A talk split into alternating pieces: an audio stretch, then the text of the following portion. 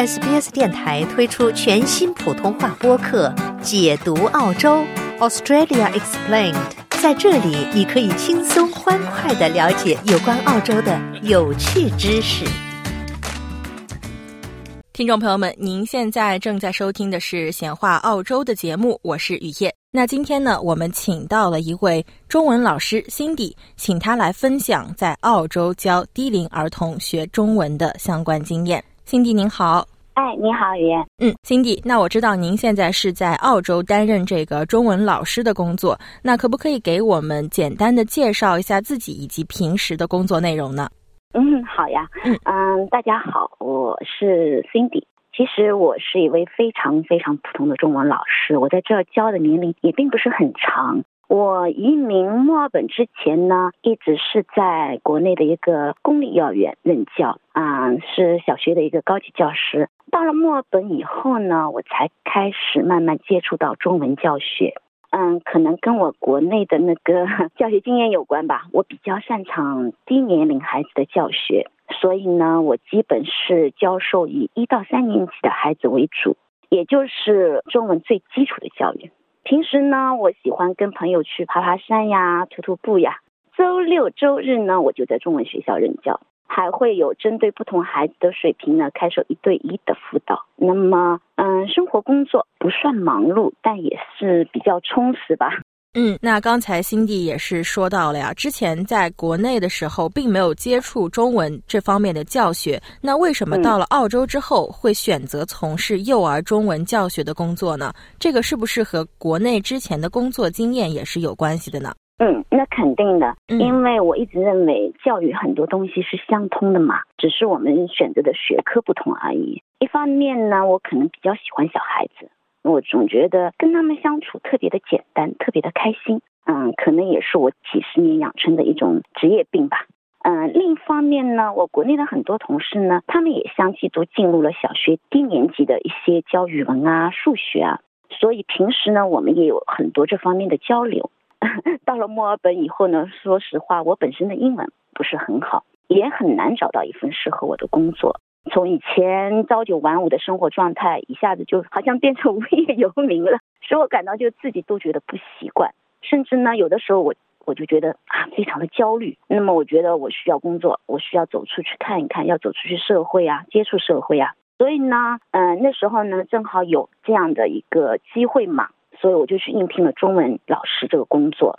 而且呢，就是我从嗯选择这份工作开始呢，我一直是认为，就是你既然选择做老师，你就不能 说的难听点，你不能误人子弟，对吧？你至少要负责任去教这门课。所以呢，我会花大量的时间呢，要去学习。嗯、因为我国内是教幼儿园的，跟教中文跟教小学还是稍微有点差别的嘛。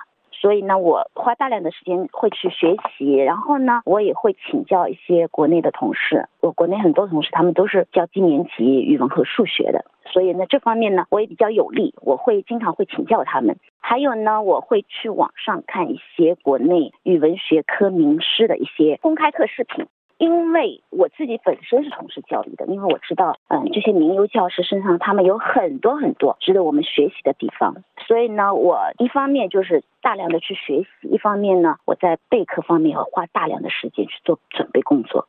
其实开始的时候，我上那个三个小时的课呢，我可能要花四倍甚至五倍的时间要去做一个教学前的准备，因为我始终认为师者传道授业解惑。你不能自己对所教的东西还是有疑惑就去上课吧。就比如说我开始在教笔画的时候，其实有很多笔画，有一些笔画我们自己学过了，可能到了现在这个年纪就已经忘记了。然后你你要给孩子正确的话，那你势必要花很多的时间，你自己去每个字每个字的去查，每个字每个字的去认证。他的笔画笔顺是怎么样的，他的偏旁部首是怎么样的。所以我一直说，并不是说你能讲普通话就能教中文啊。所以呢，我一般对每一节课的一个教学活动的目标、重难点都会做到心里有数，做准备的事无巨细，甚至笔画呢，我都会在自己的书本上记上一个笔记。我经常会给孩子们看，我说你们看，老师都要花那么多时间写那么多，然后他们都都笑了，所以我就会经常就是把大量的时间花在备课上，确保我传授给孩子的知识呢都是正确的。那么有的时候呢，我们会看到付出的和收获的不成正比的时候呢，我也会打退堂鼓。哎，心想有有一段时间我就一直在想，还不如把这些时间我花在学习英语上呢，我或者能找到一个更稳定的、更好的工作。但是呢，慢慢的就是家长的认可和感谢呢，嗯，都让我感动，也是支持我继续在这一行下去的一个理由。因为我记得第一年一到三年级结束以后，有位家长曾发短信给我说，他那个短信我我很感动。他说我时常跟家人提起说，您总让我想起自己小时候语文老师的模样。在遥远的澳洲，可以让孩子有这样正宗的中文教育。由衷感谢老师对孩子的谆谆教诲，我觉得真的让我很感动，而且我觉得这是对我最高的褒奖。这么几年下来，其实我发现很多家长，甚至说可以说百分之九十五的家长，他们都是非常渴望有一个好的老师、专业的老师带着他们的孩子学习中文的。这也使我意识到，这并不仅仅已经是一份职业了，而是一种责任。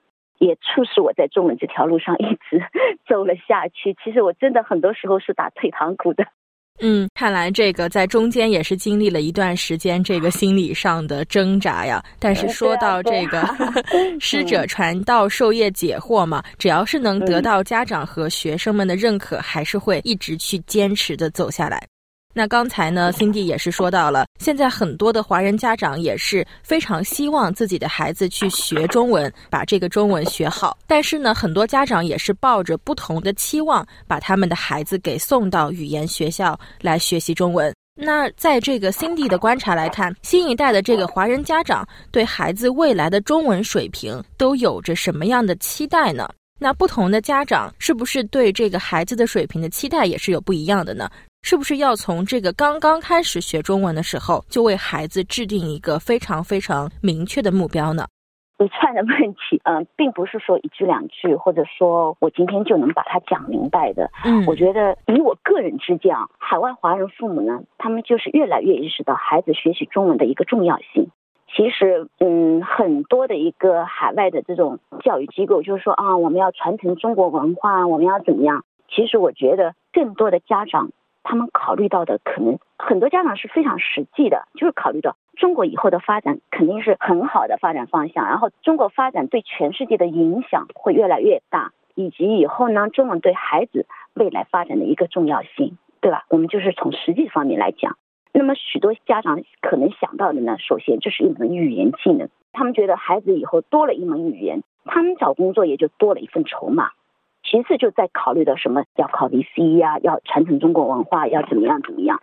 那么不同的家长呢，他们就是有对孩子一个不同的一个啊要求，就是不同的期待，就是不同的要求嘛。那么有些家长呢，可能认为啊，我们能听能说就可以了，而有些家长呢，可能对孩子呢就抱有更高的期待，希望就是以后能作为一个 VCE 考试的一个第二语言。那么其实不管家长处于怎么样的一种期待。我们也要针对不同孩子的实际情况规划不同的学习目标。当然，我说的这个学习目标，并不是简单的粗暴的分为刚才两种，一个是嗯能听能说，一个是啊要考那个目标 VCE。其实呢，就是我觉得不管你是怎么样的一个情况，我们首先要在不同的年龄阶段给孩子设定不同的学习规划。那么我们一般呢，把中文呢分为三个阶段，低。幼年龄阶段学前的一个阶段，那么学前的一个阶段，还有一个就是学龄段和中高年龄阶段。对一些学前的，就是低幼年龄阶段的孩子来说呢，我们就是简单的在家里给他们讲讲啊，然后啊穿插一些简单的看图啊、绘画啊，以各种的游戏的形式帮他们形象记忆，那么来帮助他们提高对中文的兴趣。其实这个年龄阶段更重要的是一个孩子对兴趣的培养。嗯，或者呢是一些简单的一个动画呀，帮助孩子进行一个中文的输入。到了学龄段以后呢，就开始真正的系统性的学习，从那个听说读写四个方面开展学习和积累。到了中高年龄阶段呢，就是一个中文的知识的输出和运用了。那么我为什么要讲到这三个阶段呢？因为其实你不同的期待、不同的目标，都要通过这三个阶段完成。如果你在就是我们在前面两个阶段能培养孩子学习中文的兴趣，并打下良好的基础的话，那么他就是能助推孩子到了高年龄阶段还会对中文很感兴趣，对他们的以后高年龄阶段的一个学习有很大的帮助，应该说是至关重要的。所以我建议的是，我们不要给孩子太早设定什么目标，非要孩子怎么样怎么样，这样呢会给孩子过早造成压力，而抗拒一个中文学习。你说你在学龄前阶段就一定要我们要立下一个 flag 什么，我们要要考 VCA，我们要怎么样怎么样？那你是不是把过大的压力压在孩子的身上，起到一个适得其反的效果？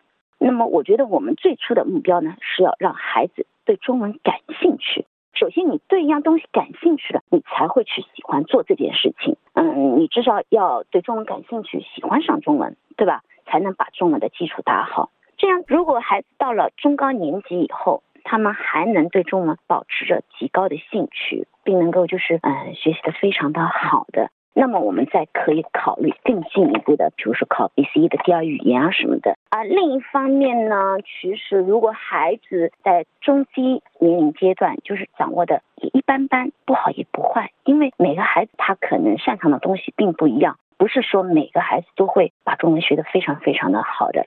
呃，如果你的孩子就学习就是一般般，不好也不坏，那么经过这个低年龄阶段的学习呢，那么我们孩子的听说读写呢，他也不会落下很多。以后日常的一些基本的交流啊、写作啊，他们自己也都是能够应付的。嗯，孩子呢也不会因为到了中高年级觉得哎呀很吃力，就放弃了中文的学习。这样他们就是慢慢跟到十二年级以后呢，那么孩子学的中文其实也足够用了。当然，这些只是站立在我个人角度上的一个建议啊。我觉得我们家长可能考虑的方面呢更多一些、更全面一些，或者有一个更长远的打算。这一点上，我是这么认为的啊。嗯，那刚才呢，Cindy 也是说啊，不建议是给孩子太早的设定什么目标。但是这样可能就会有一个问题啊。那澳洲的不少家长也是崇尚这个轻松教育的，但是也是有另外一部分家长是认为鸡娃要从小做起，要从小设立这个目标。那在中文学习方面，您认为哪一个才是一个正确的做法呢？嗯，其实你刚才说到的两种情况呢，我在这多年的中文教学中呢，其实我真的是遇到这样的家长。明显区别的就是这两种，一个就是啊崇尚就是轻松的，他们就认为孩子不想做作业，他们就给我交空本子，就说啊他们不想做，我们也不想迫使他。还有一些家长呢，一到假期呢就会给我发短信，老师还有没有作业，再加一点给我们。两种情况对比就特别特别的明显。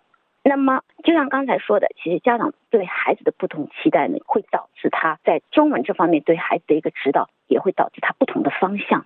那么。首先，我认为孩子要学好中文，确实是一个家长、学生、老师三方面共同努力、日积月累的一个效果。缺失任何一个方面呢，都不会有满意的答卷。光靠我三个小时巴拉巴拉讲，那也是没用的。特别是低年级阶段，必须得家长、孩子和老师三方共同的一个努力。因为呢，呃，我现在讲的是低年龄阶段嘛，因为低年龄阶段的孩子呢。他们还很小，他们对中国文化其实没什么概念，但是呢，刚开始接触的中文拼音啊、笔画啊、笔顺啊、组词啊这些呢，又是比较枯燥的一个基础知识，让他们呢很难喜欢上中文。而有些家长呢，当孩子说啊我对中文没兴趣，嗯不想学了，或者说我不想做作业了，家长就会觉得哎不要去逼孩子，就顺着孩子就放弃了。或者有些家长呢，就是嗯他不放弃。他还会把孩子送到学校来，但是呢，孩子作业就不做，甚至我碰到过有些家长，真的就是爸爸在做作业，我一改作业我就知道，一看这是谁的作业，他说这是爸爸 爸爸写的作业，可能他们嗯就是觉得啊，我们孩子开始的时候就是嗯不要去让他有那么多的压力，让他在学校里能听听就可以了，但是等到他们孩子大了以后，意识到中文的重要性了。那时候你再学，其实已经错过了语言的一个关键期，学起来就很难了。但孩子的学习的成长呢是不可逆的，错过了哪一个学习阶段，那就是错过了。所以呢，其实有些家长，我觉得他过度的放松呢，对孩子来说也并不是一件好事情。嗯，因为我在那个教学中也碰到过这样一个孩子，他作业啥作业都不做，但是他上课呢，他就很害怕老师会抽到他回答问题，他就不愿意在教室中跟孩子交流，跟老师交流，他总觉得他自己什么都不会，其实对孩子心理也并不好，所以我是不建议家长这样的。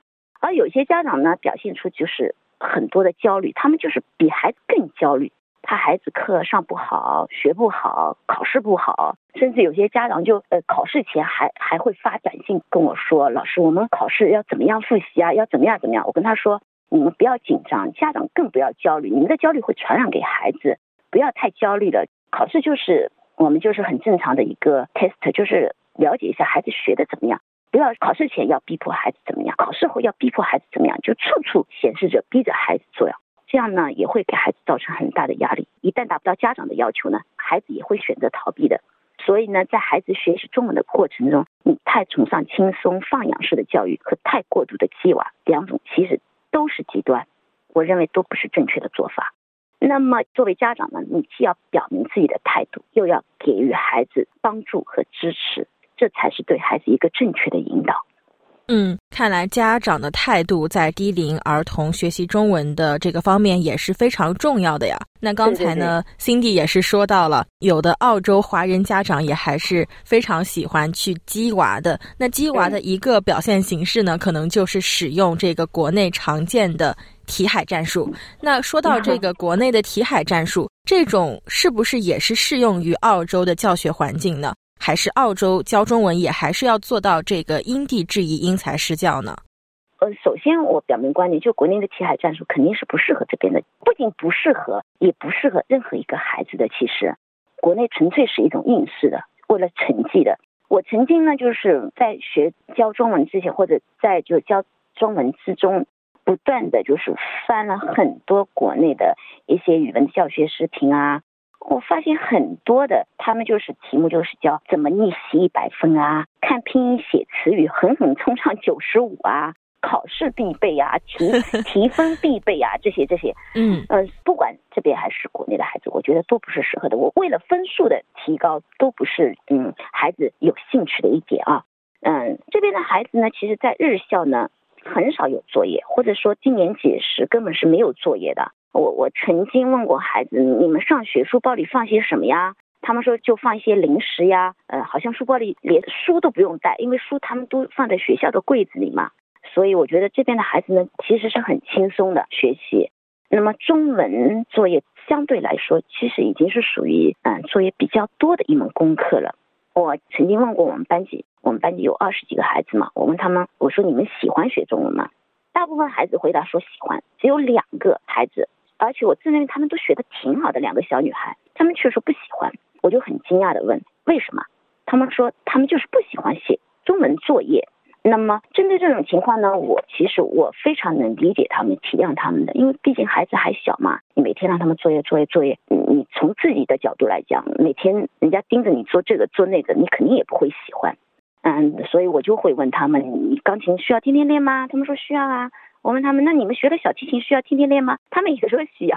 然后我又问，那如果不练习、不做作业，会发生什么情况？那旁边有小朋友就马上说，对啊，你不练习就马上就会忘记了嘛。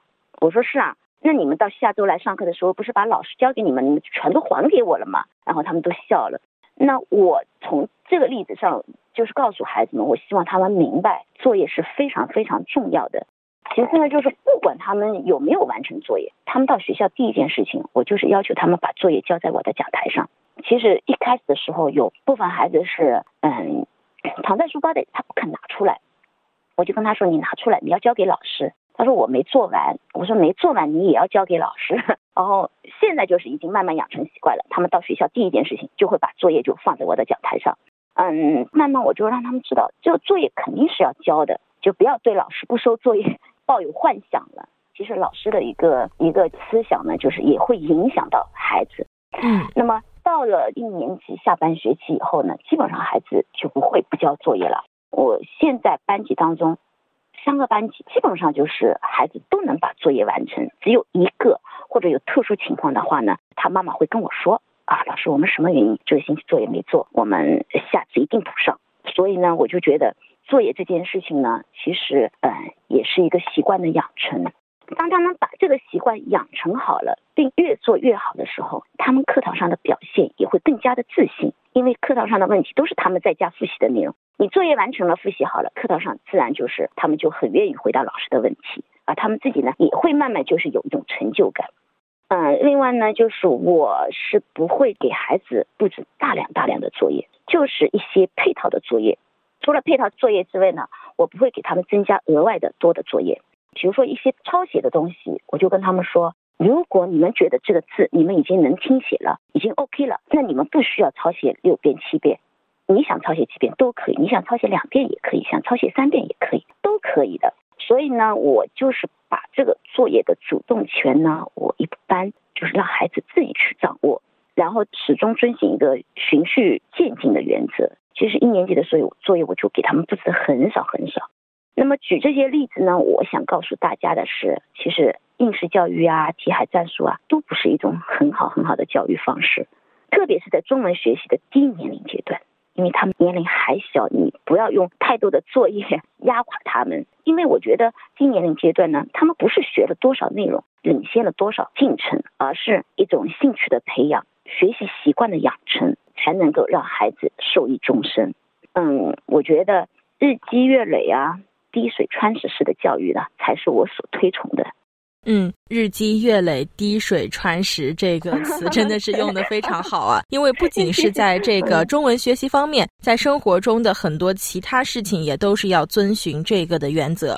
那可能这个低学龄孩子在学中文方面，跟这个年纪稍长一些的孩子还是有一些不一样的。低年龄的孩子学中文，可能家长也是要需要更多的去督促他们。那考虑到这一点，除了在这个学校中学中文以及在做作业之外，如何在课后可以去让家长培养一些孩子对学习中文的兴趣呢？嗯，其实，在中文这门语言课程上，低年龄的孩子呢，大多数接触的呢都是最基本的拼音啊、笔画啊、笔顺啊、生字啊、组词啊。刚才我已经讲过了，其实这部分的内容呢，真的是比较枯燥的，因为低年龄都是一些基础的一些生字啊什么的。那有些家长呢，可能觉得高年龄的比较重要，低年龄的并不重要。其实，嗯，不是这样的。你想，就好比我们造房子打基础，你基础扎实了，你才能就万丈高楼平地起，对吧？你基础都没打好，那你的房子是不是随时都有倒塌的可能啊？所以，其实孩子学中文道理也是一样的。如果孩子连最基本的拼音啊、字词句都没学好，他们无法很好的表达，很好的写作文。就是你拿什么让他们输出呢？他们都没有很好的输入进去，根本没有东西来输出。所以，就是很多孩子。如果低年级他没有很认真的，就是在一到三年级或者这一阶段学好打好基础的话，很容易到了七八年级他们就放弃了，因为到了七八年级以后，他们其实跟不上的。那么培养孩子中文的兴趣呢，其实老师和家长的态度呢非常的重要。其实一年级孩子学拼音的时候呢，是孩子学习最抵触的时候，呃，也有很多家长会抱怨。一方面呢，他们说老是记不住读音；一方面呢，拼音太枯燥了，他们就觉得每天这样拼拼拼都很累，家长也觉得累，孩子也觉得累。那么我就一边鼓励孩子，一边要鼓励家长，并建议家长呢，还是要多给予孩子一点耐心。嗯，其实拼读呢就是一个语感，读的多了自然就好了。那么我们可以借助一些图片啊和一些我们熟悉的词语啊，帮助他们记住拼音。比如在整体认读音节的时候，孩子怎么都记不住，你靠死记硬背也不行啊。他们死记硬背的话，今天背出来了，明天又忘记了。那我就让他们画画，比如说约，就让他们画月亮。哦，他们知道哦，看到月亮就想到整体认读音节约，鹰就想到哦，画个老鹰。在画老鹰的时候呢，我还故意说，哎呀，你看老师画的那么难看。然后他们说，哦，画的很好看，怎么样怎么样的。然后我们说，哦，鹰的话，我们要画出大大的翅膀。就是在一边画画当中，一边学习当中，就让他们熟悉并帮助他们记住这个拼音。那么下一次的时候，还对这个音肯定是记得非常非常牢的，他们就是不会再忘记这个整体认读音节。那么家长在家里的一个复习呢，我也是让他们要借助图片来帮助孩子记忆，利用他们有兴趣的东西来帮助他们学习，提高学习的效率。这个涉及到就是很多的方式方法，这里也不一一举例了。然后其次的话呢，你不要急于否定孩子，要多鼓励孩子，对孩子要有一个积极的心理的暗示，让他们觉得自己是非常好的、非常棒的。有些家长会私信我说：“啊，怎么孩子到现在都搞不清楚四声啊？孩子学过的字，过段时间就忘记了，怎么办啊？”针对这些焦虑的家长呢，首先我给他们的回答是：大部分孩子都是这样的，他们心里就是有个底，他们觉得哦，原来大部分孩子都这样，他们就就心里就就不会那么焦虑，就不用那么担心了。然后呢，我就跟他们说：你们都不用担心的，你们一定要多鼓励他，多肯定他。我们要体谅孩子，理解他们，就是慢慢的扭转他们。就是你不要打击孩子学习中文的积极性啊！你就说他啊，你怎么这样？人家孩子都会了，你怎么都不会呀？什么什么的，这样呢，就是孩子就会失去积极性，就失去兴趣。那么刚开始学习中文的时候呢，孩子肯定有畏难、怕学习的情绪，家长呢更应该耐心的辅导，给孩子信心和鼓励。家长有时间的话呢，你可以在家中陪孩子读一些中文小故事啊，或者历史的小故事啊，培养孩子对中国文化的一种兴趣。我记得班级当中有个孩子问我，他说：“嗯，老师，你最喜欢哪一个朝代啊？”我想，哎，他怎么会问到这个？我们一年级好像还没学到这个吗？然后我想了想，我说我大概喜欢唐朝吧。然后他说我最喜欢宋朝。我说为什么？他得意的说，因为宋朝的皇帝啊都姓赵，因为他自己也姓赵嘛。所以我开玩笑的说，哦，我说你原来你也想做皇帝啊？他哈哈大笑，他说 no no no no no。后来我就了解到，哦，原来孩子的妈妈她每天会给孩子讲一个小的一个中国的历史故事。所以呢，慢慢的孩子呢对中国的历史呢就非常非常的感兴趣。然后呢，我又在全班的小朋友面前表扬了他。哎呦，我看他的满脸的那个阳光啊，自信啊，我相信他以后对中文会更感兴趣。这一点是，所以呢，就是我觉得呢，家长呢可以利用多媒体，多带孩子看一些国产的动画片，比如说像葫芦娃呀、黑猫警长啊、大头儿子小头爸爸呀、大耳朵图图啊、西游记啊。这些动画片，我觉得孩子应该都喜欢看。为啥呢？因为我们每次学期测验好了以后，有些孩子他们会一节课就把测验就全部完成了。第二节课我就会带他们看这动画片。我觉得每个孩子都看得很津津有味，很入神。就是像这学期我们看的《西游记》，他们都很喜欢看。他们说啊，孙悟空三打白骨精，孙悟空大战红孩儿，老师我们都很喜欢看。所以我觉得这样的契机其实很好的。我们利用假期的时间，应该好好的把握假期这段时间，让孩子多看这些，提高他们的中文兴趣。嗯，我相信其实不管什么方式，家长只要是个有心人，他一定会有很多的方法来培养孩子对中文的兴趣的。嗯，刚才这个 Cindy 提到的这些动画片，小时候的 我也都是非常爱看的，感觉也是学到了很多跟中文有关的这个知识啊。那就像 Cindy 刚才说的，家长只要是一个有心人，一定是有很多好的方法来培养孩子的兴趣。但是呢，很多的澳洲长大的这个华人的孩子呀，在家中其实并没有一个说中文的环境，在学校里也都是以说英文为主。那孩子在家中说中文，是不是对这个中文学习也是有影响的呢？而且有一些，比如说二代移民啊，甚至是混血儿的家庭，可能在家中从来就不会去说中文。那这种情况应该怎么办呢？嗯，这种情况其实是在这也是比较常见的。那么孩子有没有语言环境和在家中说不说中文，这对孩子学习中文呢，其实是非常至关重要的。那么我们现在大部分接触到的呃孩子呢，其实他们都是有这个条件的，要么父母双方是华人，要么父母有一方是华人，也就是你刚才说的混血儿家庭。当然，也有一部分年轻的家长在家里都是和孩子用英文交流的，因为他们觉得孩子习惯用英文交流了，而家长英文本身自己英文也比较好，交流起来比较顺畅嘛。嗯，这样会缺乏这种讲中文的意识。有些家长甚至认为帮助孩子纠正讲中文是一件吃力不讨好的事情。那么，遵从孩子的表达方式。嗯，还有一部分家庭呢，在家里只讲广东话。其实，在实际教学中，我发现，在家里不讲中文的孩子，在口语表达上明显会弱很多。很多汉字的声调，他们都是读不准的，甚至课堂上是不愿意表达的。即使老师请到他们，他们的表现也是胆怯和不自信的。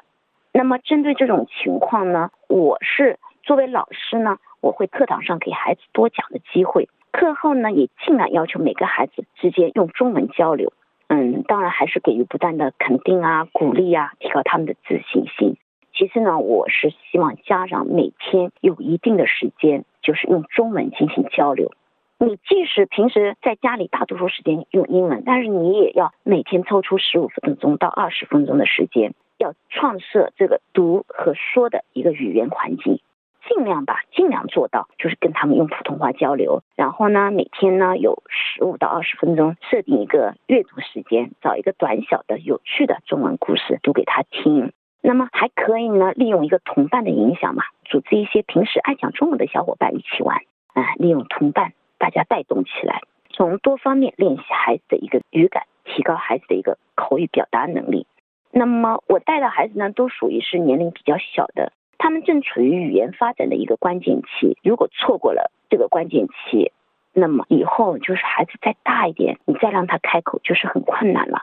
有些孩子他即使能听能讲，他也不愿意讲了。所以呢，就是不管家长条件有多好艰苦，当然我知道这不是物质上的艰苦啊，就是指你家里要创设条件，就觉得啊这个不行，那个不行。我觉得还是你不管条件多苦，都要鼓励在孩子在家中啊能够多说中文。为孩子创设一个良好的中文环境。你首先不要家长自己给他否定掉啊，我们不行啊，我们在家里就习惯讲啦，巴拉巴拉的。那你会讲，你不讲，那你给孩子这个环境了，那孩子更不愿意讲了，对不对？所以我觉得这方面其实还是取决于家长的。嗯，这个语言环境在学习中文的过程中是非常非常重要的呀。从这个方面来说，那今天呢也是非常感谢现在是身在澳洲的中文老师 Cindy 给我们带来的分享。那今天呢，我们这个节目也是要告一段落了。那 Cindy 老师在最后有没有想跟大家最后分享的心得和建议呢？嗯，谢谢。我觉得我刚才已经讲了好多。